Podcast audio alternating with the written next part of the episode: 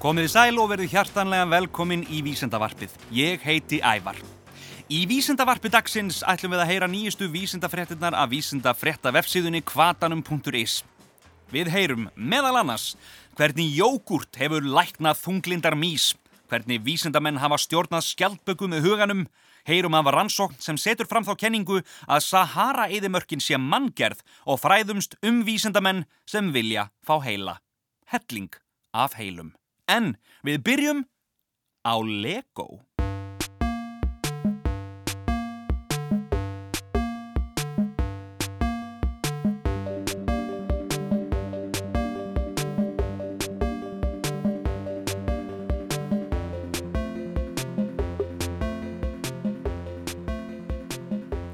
Leikfangafyrirtæki Lego hefur tilkynnt að næsta lína frá fyrirtækinu komi til með að hafa vísinda konur hjá NASA í aðalhlutverki. Hugmyndin kom í kjölfar þess að fyrirtækið var hvað til þess að heiðra konur í vísindageranum. Sangvam tilkynningu frá NASA verður verkefnið unnið í samvinnu við geimferðarstofnunina og munu vera hægt að kaupa leikföngin seint á þessu ári eða snemma ári 2018. Fígurúrnar verða fimm talsins og verða allar byggðar á raunverulegum konum sem hafa unnið fyrir NASA. Konurnar eru Margaret Hamilton, tölvunafræðingur, Catherine Johnson, starfræðingur, Nancy Grace Roman, stjörnufræðingur, auk geimfarana Sally Ride og Mae Jamison. Leikfungin eru liður í því að auka úrval leikfanga þar sem konur spila aðalhlutverk og sína þær í störfum innan vísindageirans. Húrra fyrir þessu segi ég og ég segi sömu leiðis og sendi þetta út í kosmosið. Nú veit ég hvað ég ætla að byggja um jólagjöf í ár.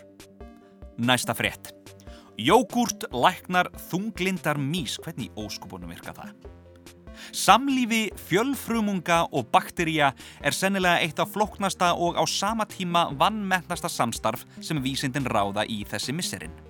Rannsóknum þar sem sínt er fram á áhrif þarmaflóru mannsins á hérna ímsu sjúkdóma rignir inn í mikilsvirt vísindaritt. Fjöldin allur af sjúkdómum hefur verið tengdur við ójapvægi í bakteríuflórunni. En skilgreiningar á því hvað eru bakteríuflóra í jafnvægi eru enn sem komið er ekki niður neldar.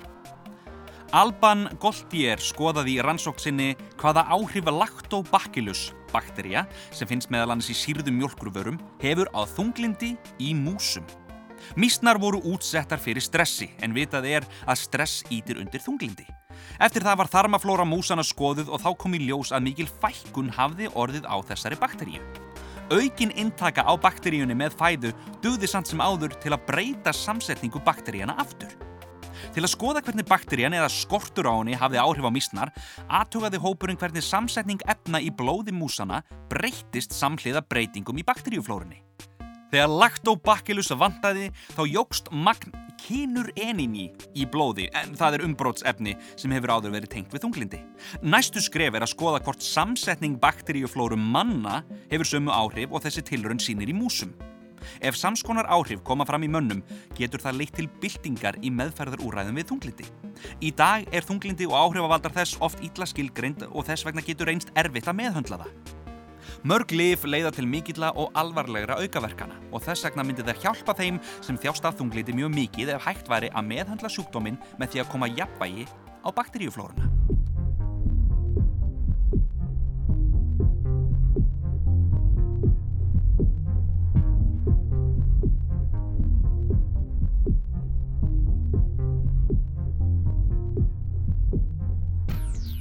Næsta frétt. Vísendamenn óska eftir fleiri heilum.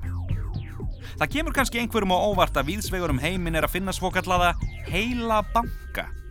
Í heilabönkum eru heilar látins fólks sem ákvaða að gefa líffarið eftir dauðasinn. Það eru þeir geimdir og eru nýttir í ímsa rannsóknir á geð og taugasjúkdómum. Heilabankar glíma nú við þann vanda að skortur er á framlögum til heilabankana og óska eftir því að fleiri taki ákverðun um að gefa heila sinn til rannsókna eftir andlát. Á McLean sjúkrahúsinu í Bandaríkjónum er að finna eitt stærsta heilabanka heims, Harvard Brain Tissue Resource Center. BBC rætti meðal annars við doktor Kerry Restler, yfirmann á sjúkrahúsinu, sem sagði að skortur og heilum tefji nú rannsóknir á mörgum geð og taugasjúkdómum. Heilaskorturinn er talin að einhver leiti stafa því að fólk telji að engar breytingar verði á heila þeirra sem glíma við geðsjúkdóma og því sé lítil ástæði til að skoða heilan sjálfan. Þetta segir Sabine Beretta, fórstuðumöður vísendaransóknar við Harvard Brain Tissue Research Center, vera allránt og hafa rannsóknir og gjafaheilum til dæmis nú þegar leitt til aukinn skilnings á Parkinson veiki og meðferða gegn sjúkdómum sem nú eru í þróun. Óeðlilega flókið hár Flókið hár og vandræðin sem fylgja því hefur yfirleitt verið bundi við annað kynir þar sem strákar sapna ofta ekki hári í miklu mæli. Já, þeir lenda nú svo sem í því líka. Ég persónulega hef aldrei lendið því en, en það er önnu saga. Það hefur þó að öllum líkindum breyst töluvert síðastliðin ár eftir það sem kalla má, samkvæmt kvatanum.is, að skóarhögsmannatískan kom til. Einhverjir kunna að kannast við flóka sem eru svo stórir og erfiðir að til að leysa þá þarf ekki einungis heilmikla þólinnmæði og líkamlega krafta heldur einnig óheyrilega langan tíma og þólinnmæði. Þessi fréttastöpur fjallar einmitt um slíka flóka. Að vera með óeðlilega flókið hár er ekki talið mjög algjört heilkenni en eins og gefur að skilja er ekki til nákvæmra tölur yfir það þar sem fólk með flókið hár leggur ekki vana sinna að leita sérfræði aðstóðar við flókanum. Nú, allavega ekki oftast.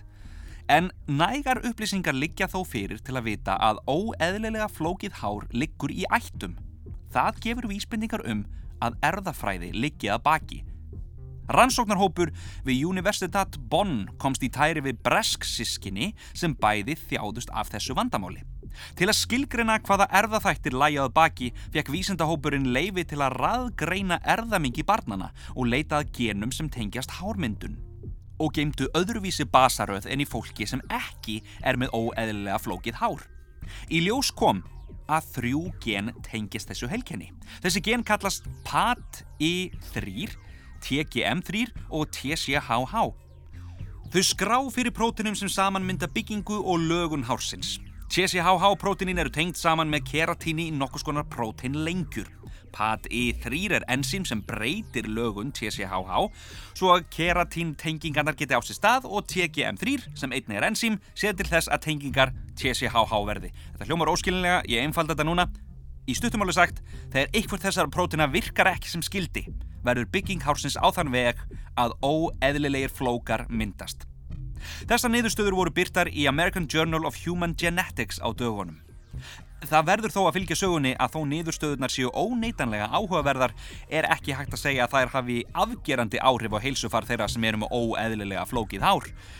Það er kannski ekki mjög brínt að rannsóknar efni að finna einhvers konar lækningu við floknu hári en það er þetta ekki tengt neinum öðrum heilsufarstengtum kvillum nema þá kannski að ástandið gæti, gæti valdið smá streitu.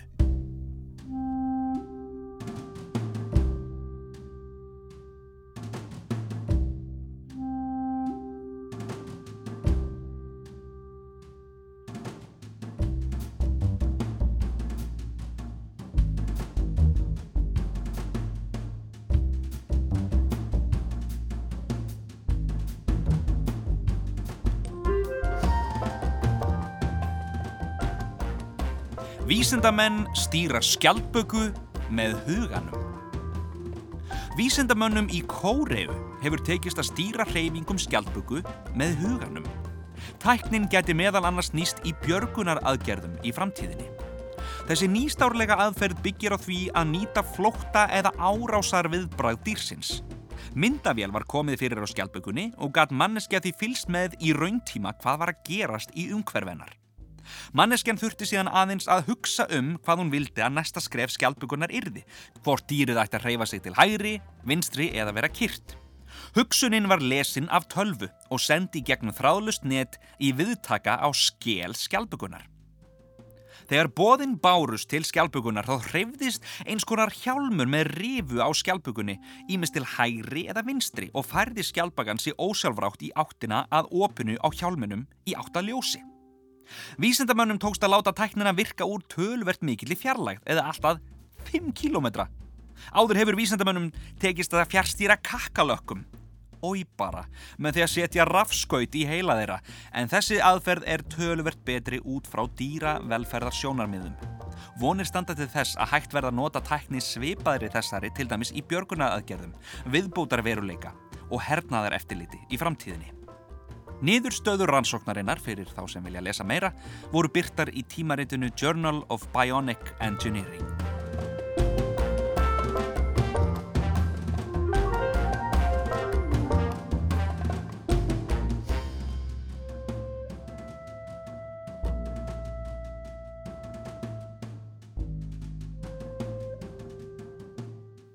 Og í næstu frétt. Köttum líkar kannski betur við okkur en við höldum. Kannski. Kettir fá stundum neikvægt umtal vegna þess hversu sjálfstæðir og óháðir manninum þeir eru. Svo verður samt vera að kettir kunni að met okkur mannfólki meira en við höldum. Í grein sem byrtist í tímaritinu Behavioral Process er fjallað um niðurstöður rannsóknar sem varpaði ljósi á hversu mikinn áhuga kettir hafa í raun og veru á mannfólki. Þáttakendur í rannsókninni voru 50 fullvaksta kettir. Helmingur kattana voru gæludýr og meðan hinn helmingurinn voru kettir úr dýraatkvörfum. Köttunum var komið fyrir í rólegu herbergi sem þeir þekktu til í tvær og halva klukkustund og fengu þeir kvorki félagslega örfun nýja mat á meðan. Eftir að tveir og halvur klukkutími var liðin fengu kettir frjálst aðgengi að mat, leikfangi, aðlaðandi lykt og mannesku sem þeir þekktu. 19 kattana völdu manneskuna, 14 matinn, fjórir leikfangið og einn lyktina. Fimm kettir kláruðu ekki matinn vegna þess að þeir síndu tauga óstyrka hegðun og sex kettir síndu ekki áhuga á neinum þáttana eftir tímabilið. En eru þetta niðurstöður sem gagnast okkur að einhverju leiti? Jú, kannski. Að sögn vísindamannana gætu niðurstöðunar opnað á frekari rannsóknir á því hvernig hægt sé að þjálfa ketti með því að skilja hvaða velun virka best. Fyrir utan það, þá eru eflust einhverjir kattaeigundur sem gleðjast yfir þessum fréttum. Ekki síst til þess að nota sem rauk þegar deilt er um ágæti hunda og katta við hundaeigundur.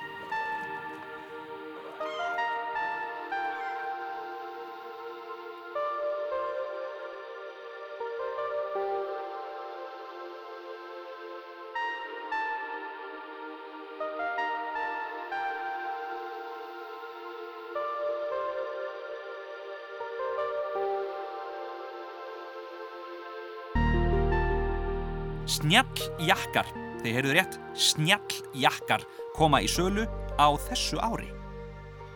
Við búum í hinnum vestræna heimi snjalltækjana. Flestir ef ekki allir eiga að minnst ákosti eitt snjalltæki, til dæmis síma, úr eða sjómarp. Google hefur verið eitt af leiðandi fyrirtækjum í snjalltækja heiminum og engan ber því að undra það að það er Google sem ætlar að setja á markað ásand Levi's snjalljakka. Jakkin er með innbyggt rafkerfi sem skinjar snertingu, nokkus konar snerti efni, eins og snerti skjár. Lítið tæki er svo fest við jakkan til að tengja rafkerfi til dæmis við símanðinn. Þannig getur eigandi jakkans notað ermina til að svara í síman, skiptum lag eða fá leiðsögn í gegnum GPS app. Jakkin má samt sem áður fara í þvott. Það er einungis litla tengingin á milli jakkans og símans sem má alls ekki þvó. Munurinn á milli snjalljakkans og hefðbundins jakka er nánast engin, eða minnst okkosti er hann ekki sjáanlegur, en það er einmitt tilgangurinn. Tæknin á ekki að vera blikkandi áberandi, heldur skiptir það neytendur lífæs máli að útlitt jakkans sé hefðbundið. Og þá veitum við það.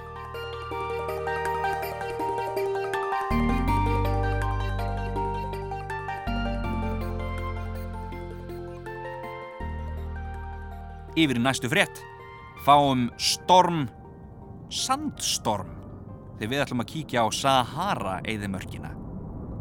Sahara-eðimörkin er stærsta eðimörki jarðarinnar og fer stækandi. Þar er veður farið mjög ykt þar sem hítin getur farið yfir 50 gráður á Celsius á daginn en niður fyrir frostmark á nóttunni.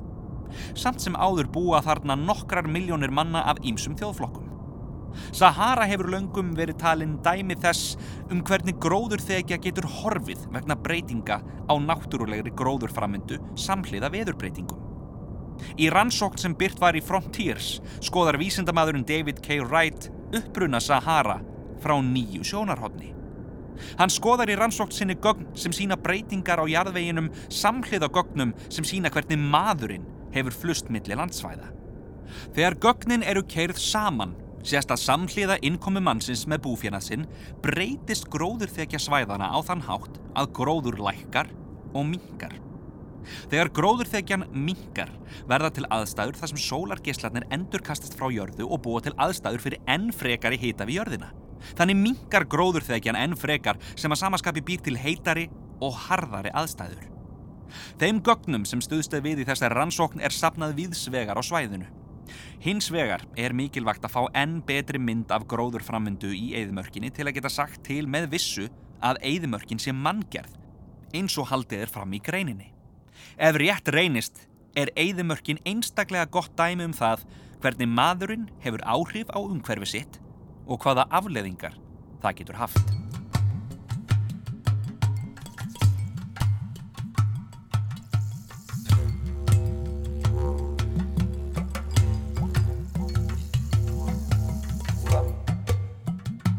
Og síðast, en ekki síst, í frettum er þetta helst, náttúrulífsmyndir geta gert okkur hamingjusamari. Í november í fyrra fylgdist heimurinn spendur með náttúrulífstáttunum Planet Earth 2, sumir gerða með þess að enn þá í dag, þar sem átti sjá magnaðar myndir úr lífriki jarðar. Nú hefur rannsókn sem unnin var af BBC og University of California Berkeley sínt fram á það að það að horfa á náttúrulífsmyndir getur gert okkur hamingjusamari, auk þess að draga úr streitu og kvíða. Í rannsókninni var notast við tækni sem byggir á því að kortleggja svipbreyði 7500 þáttakenda frá ýmsum löndum.